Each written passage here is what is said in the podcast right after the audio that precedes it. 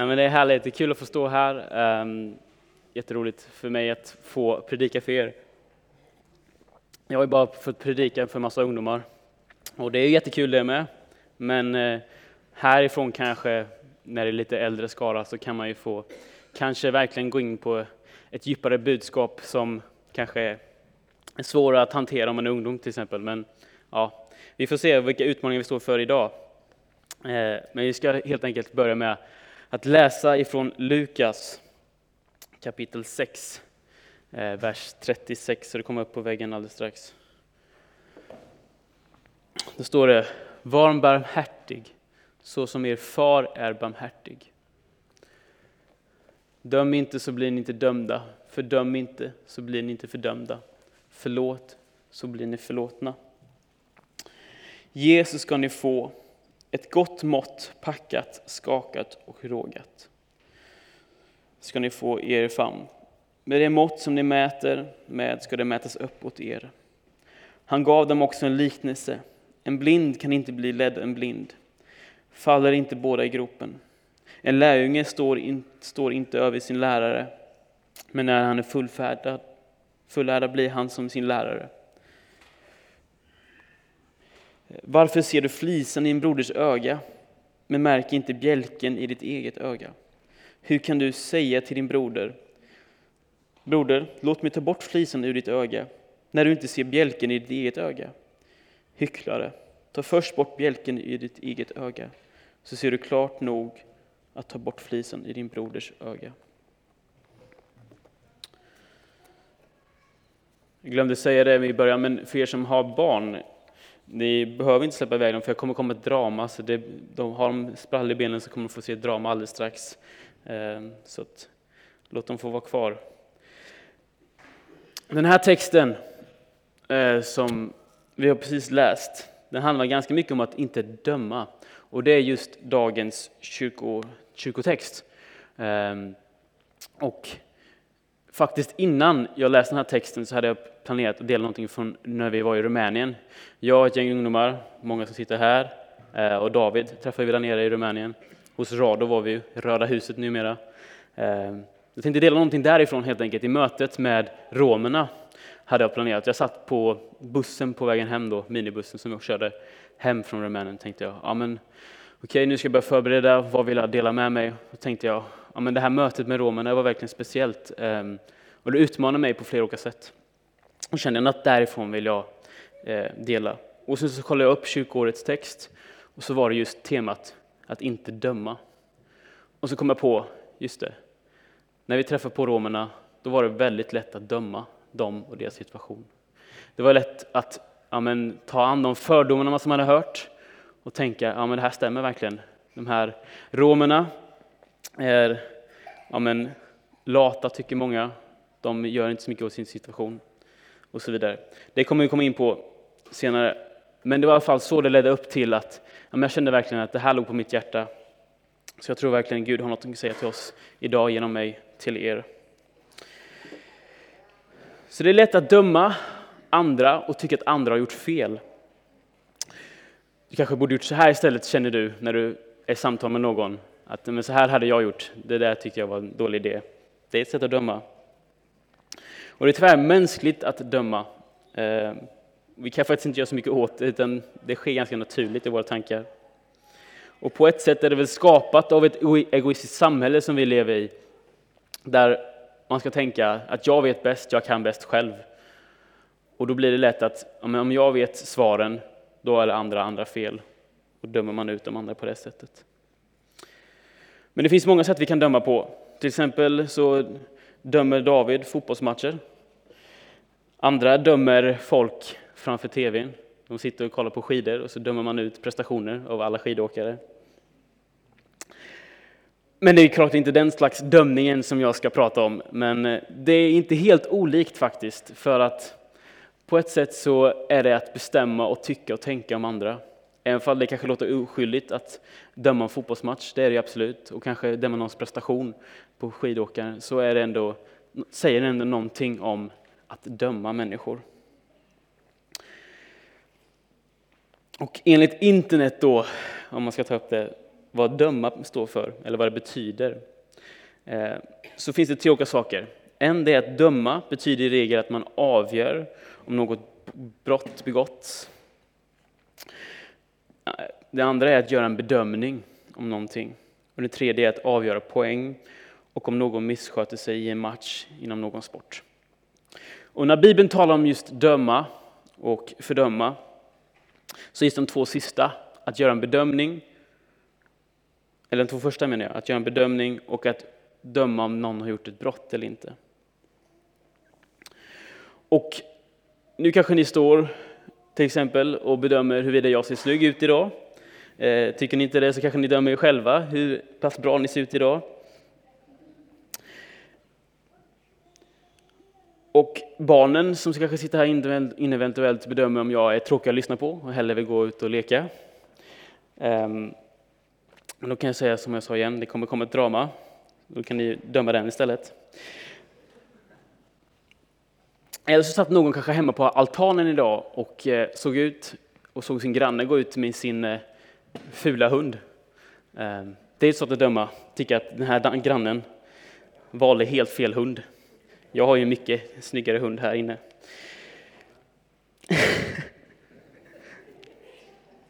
Eller så satt någon och lyssnade på nyheterna någon dag och fick höra hur många människor som hamnar på fyllecellen under midsommar. Och så tänker ni, vad är människor på väg? Varför står de och dricker sig fulla som behöver hamna på en fyllecell? Det är lätt att hamna i de tankarna, de banorna. Det förstår jag och jag är precis likadan. Alla gör vi det här felet. Men jag vill uppmana er där då istället att tänka, men varför hamnar de här människorna till exempel på fyllecellen? Eller varför valde den här grannen den hunden? Jo, han kanske har en annan smak i hur hundar ska se ut. Och de här människorna på fyllecellen, ja, de kanske mår dåligt innerst inne och behöver dränka sorgen på något sätt. Eh, eller något annat. Och det jag vill komma fram till i den här predikan, vilket ni kommer förstå så småningom, det är att vad hade Jesus gjort? Och varför då inte ge dem Jesus istället för att döma ut dem från första början? Så dessa saker som jag nämnt och många fler är enkla sätt som vi men gör bedömningar i vardagen. Och det kommer ske, naturligt eller onaturligt, i oss dagligen. Men det jag vill skicka med och uppmana er idag är att när ni känner att ni gjort någon sån här bedömning, att tänka om och tänka vad Jesus hade gjort istället. För att Gud har ju inte kallat oss till att döma, utan det är hans uppgift att döma. Vi kallar till att predika om nåden och friheten i Kristus. Vi vet inte hur folk har det och vi har helt enkelt, som jag sa, inte samma smak som vissa människor när de väljer en färg på sitt hus eller så vidare. Precis som texten sa, döm inte ska ni inte bli dömda. Förklara ingen skyldig eller fördöm inte någon, så skall inte ni dömas skyldiga. Utan frikänn eller förlåt, så ska ni också bli förlåtna eller frikända.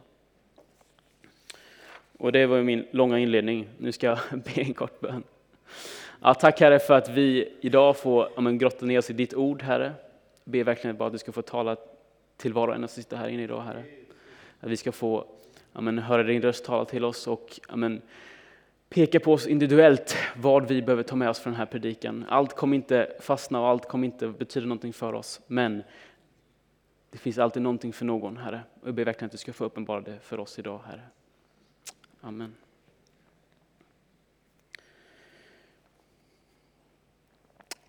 Precis som jag sa då, jag ville dela lite om Rumänien. Och romerna, som många vet kanske, så eh, lever de i väldigt fattiga förhållanden. De har väldigt enkla hus och de, många, de flesta, i princip ingen, har ju något jobb. Utan de lever på antingen bidrag eller på att barnen tigger åt dem. Och männen blir kriminella, kvinnorna, en del av dem blir prostituerade och så vidare.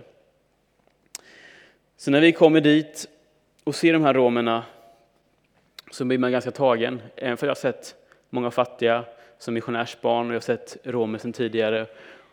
Hur många gånger jag än har sett dem så blir man ändå tagen varje gång man kommer dit och inser att människor lever så här i dagens samhälle. Idag, 2023, så lever människor fortfarande den här fattigdomen. och så har jag tak och mat och allt. Så man blir väldigt tagen och man funderar på det, hur det här är möjligt. Och så hör man hur men de har få möjligheten, de kan få jobba om de vill och de, ja, men, de får chansen men de tar den inte. Och så tänker man, men varför? Varför tar ni inte chansen? Varför jobbar ni en vecka och sen så lämnar ni jobbet och sen så hamnar ni tillbaka där ni en gång började? Så jag känner mig själv när jag kom dit att, ja, men, att, jag, att jag dömde dem och funderade på. Men så tänkte jag ett varv till och använder det där. Vad skulle Jesus tänka eller vad skulle Jesus gjort i den här situationen? Och först slog det mig då, kanske beror det på ovilja hos dem. Eller så är det att de har dålig självkänsla helt enkelt. För det är ett samhälle som de lever i där människor tryckt ner dem så väldigt mycket. Och kanske beror det på att de inte har några förebilder, vis människor som gått före som visar på hur mycket det bättre det kan bli. De, de ser inte varför ska jag jobba, vad är det jag kan få av det som inte, ja men varför kan jag inte vara bara hemma och varför ska jag jobba liksom? De behöver förebilder. Och som jag varit på inne, inne på innan, att jag förstår ju inte hur de tänker och vad de har för situation exakt. Och det är lätt för oss att bedöma och döma dem, men sen så ser jag till mig själv också. Hur jag har hamnat, jag har fötts i Sverige, jag har fötts med en viss mentalitet. Och det är lätt för mig att bara tycka och tänka om dem.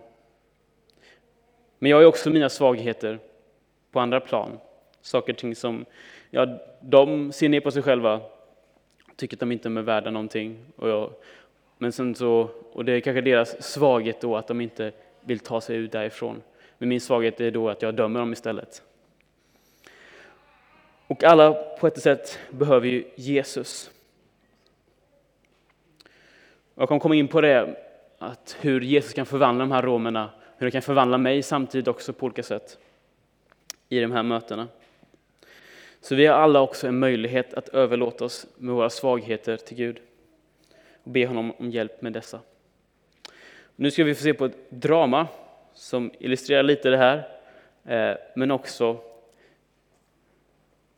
Ja, jag kommer få, jag får berätta helt enkelt efteråt. Vi ska se, se drama nu, kort här. Välkommen, ta en kölapp. Varsågod. Ge mig lite att dricka. Be mig, en samarisk kvinna, om något att dricka. Om du kände till Guds gåva och vem det är som ber dig, ge mig ett lite att dricka. Då skulle du ha bett honom och han hade gett dig levande vatten.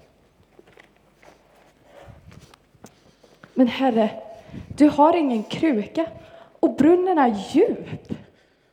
Så varifrån får du det levande vattnet? Är du större än vår far Jakob?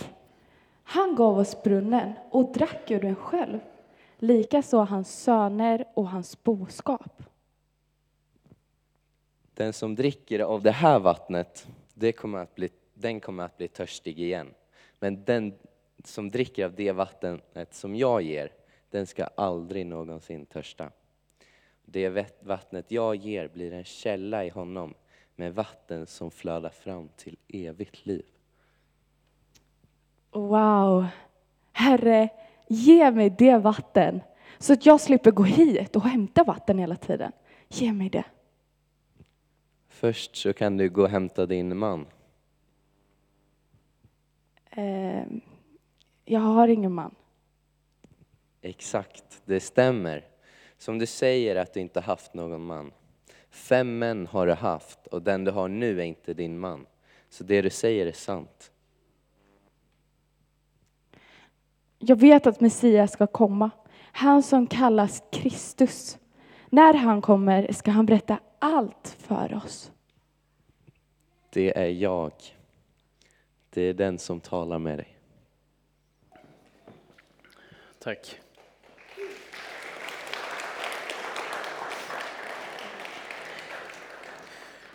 Ja, det var ju inte helt enligt Bibeln kanske ni förstod. Det var en liten uppdaterad Jesus och en samarisk kvinna som kanske skulle hämta vatten till sin pool hemma. Hon hade en badring med sig. Eh, så lite, och så fick hon ju ta en kölapp här till brunnen. Men eh, det var inte så fullt som fick komma in direkt. Det jag tänkte dela just för den här samariska kvinnan som mötte Jesus vid brunnen, det är att ge Jesus. Det var så att sista dagen i Rumänien så gick vi till en lägenhetsbyggnad. Väldigt, ja men, ska man säga, gammal lägenhetsbyggnad som krävdes väldigt stor renovering. Så det var ganska skitigt. Vi gick runt där, knackade dörr och vi hade med oss gåvor, lite olja, lite ris och socker. Så knackade dörr och pratade med människor och delade ut de här gåvorna. Och människor var väldigt tacksamma. Men så tänkte jag, eller tänkte inte jag, men nu efteråt tänkte jag, när gåvorna tar slut, vad gör de då? Nej, inte så mycket, utan de är tacksamma, de har fått sina gåvor. Men som tur var så var det inte det enda vi gjorde, utan vi delade med oss av Jesus också. Vi pratade med dem och vi delade evangeliet. Framförallt Lasse, som vanligt. Han är duktig på det. Men också vi ungdomar fick utmanas, fick be. Och det är jättehärligt att få se ungdomar be för de här. Och men, få dela med av Guds goda budskap till de här. Dels romer, men det var också andra människor eh, som var väldigt fattiga. Så vi gav dem Jesus, precis som Jesus gav sig själv som den här samariska kvinnan. Han, hon var fattig, hon var utstött, precis som romerna. Men Jesus mötte henne och förvandlade hennes liv. Och om man tänker efter så var det här exakt det vi gjorde i linje med texten. Vi dömde inte, utan vi förklarade dem inte skyldiga, utan vi sa att Gud förlåter deras synder. Vi frikände dem. Vi talade om frihet som fanns i Kristus, att deras synder är förlåtna. Och det står även i texten, Jesus ska ni få, och vi gav dem något som består, håller i längden. Vi gav dem Jesus. Visst, vi kanske dömde dem i våra tankar, men så, så vände vi om och gav dem något mycket bättre. Vi gjorde det Jesus skulle göra, att ge sig själv. Så bland romerna finns det ljusglimtar. Folk som vill göra skillnad för sig själv, som ville ta ett steg vidare. Och bland annat mötte vi en man som han hade fått jobb och han hade liksom mycket, mycket bättre ställt just på grund av att han hade blivit troende, han hade fått möta Jesus och Jesus hade förvandlat honom i hans liv. Han gick från förkastat samhälle och utdömda till att ha mött Jesus och förvandlats och bara amen, hade allt framför sig. Och I den här lägenhetsbyggnaden så mötte vi också en annan man. Han kanske inte uttryckte helt och hållet att han hade Jesus i sitt hjärta, men han hade fått höra budskapet, han hade fått på en gång, eller en gång i sitt liv på ett eller annat sätt släppt in Jesus. Och han verkar också ha det bra ställt och hans rum var finare än de alla andras och han hade ett jobb. Så de två ljusklippna som av romerna, det var ju för att de förmodligen hade mött Jesus på något sätt och för att Jesus hade förvandlat dem. För Jesus han förvandlar och han förändrar. Han öppnar nya dörrar och nya möjligheter. Och ja, men de överlät till Gud och han förändrade deras situation. Så den utmaningen jag vill skicka med er idag, det är att inte döma er granne eller döma ut er kollega. Vi vet inte hur de har det och vet inte exakt vad de gått igenom. Många gånger gör vi bedömningen att någon inte är mottaglig av det kristna budskapet. Vi vet inte exakt vad de gått igenom, så att vi kan inte förvänta oss att de inte kommer vara mottagliga, utan vi måste ge ett försök. Men jag vet en sak, och det är att alla är i behov av Jesus på ett annat sätt. Även vi själva, när vi väl men vi gör bedömningen att den här personen kommer inte vara mottaglig. Då behöver du också Jesus, du behöver Jesus kraft att få våga predika Guds ord. Vi gav romerna det bästa vi hade. Vi gav dem gåvor, men vi gav också dem Jesus. Det var det bästa vi hade kunnat ge dem. Och vi gav dem det på ett eller annat sätt. Och om du känner att du inte kan ge din granne, din kollega, din kompis eller vem du än är Jesus, så kan du åtminstone tänka som Jesus. Att inte döma dem, utan förlåta dem istället och älska dem. Grannens konstiga val att välja en ful hund kan vi istället tänka om.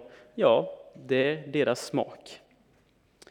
Kollegan som drack sig full i helgen, istället för att tänka ja, vilka dumheter, så kan du tänka kanske behöver de någon som står vid deras sida och fråga hur de mår egentligen.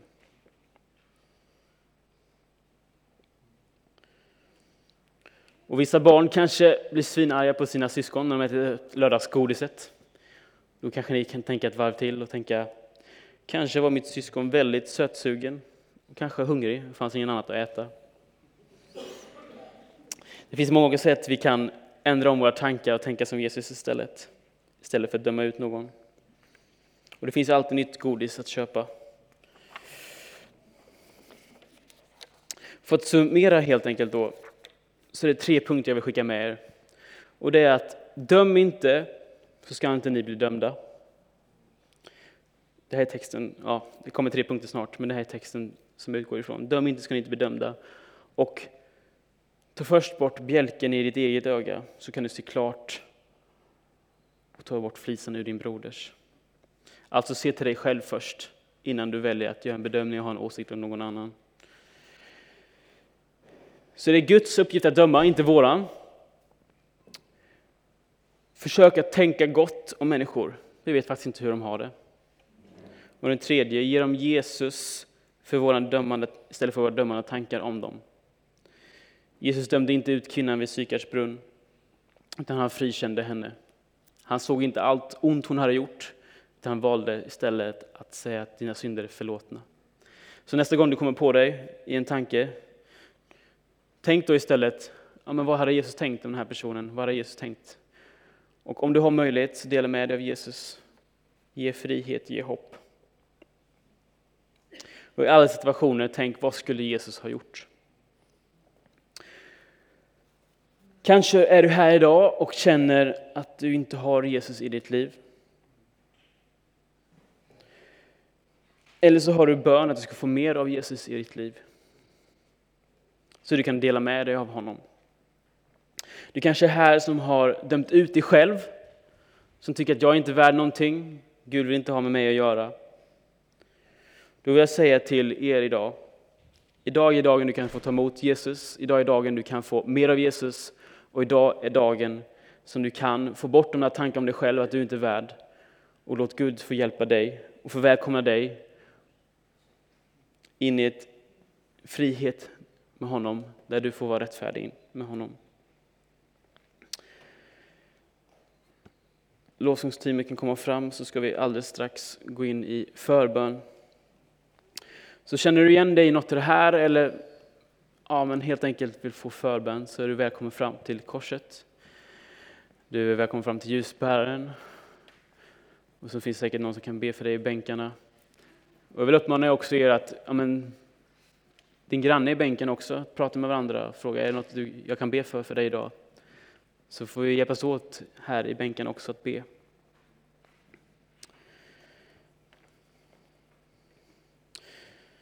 Så ta emot Jesus och gå ut och tjäna Herren i glädje. Så ni väl kommer fram på förbön. Så ber jag bara en kort bön för oss. Tack Herre för att du har fått vara här idag Herre. Be att om det var någonting som kändes luddigt eller oklart så ber jag att du ska få ta bort det Herre. Jag ber för att något som det jag har sagt till oss ska få fastna och få en utmaning till oss alla. Jag ber att du ska få visa exempel på våra liv där vi har dömt ut någon, där vi kan få förändra våra tankar och få välja att dela med sig av dig istället Herre. Genom hela Bibeln så, så väljer du att inte fördöma människor utan få att ge dem Guds kärlek istället. Jag ber att det ska vi också få göra Herre. Inte döma ut människor utan få ge din kärlek Herre. Och få goda tankar om människor och våra amen, kompisar, vänner och kollegor. Så jag ber att vi ska få amen, utmanas på ett nytt sätt nu i sommar och få ta med oss de här. Amen.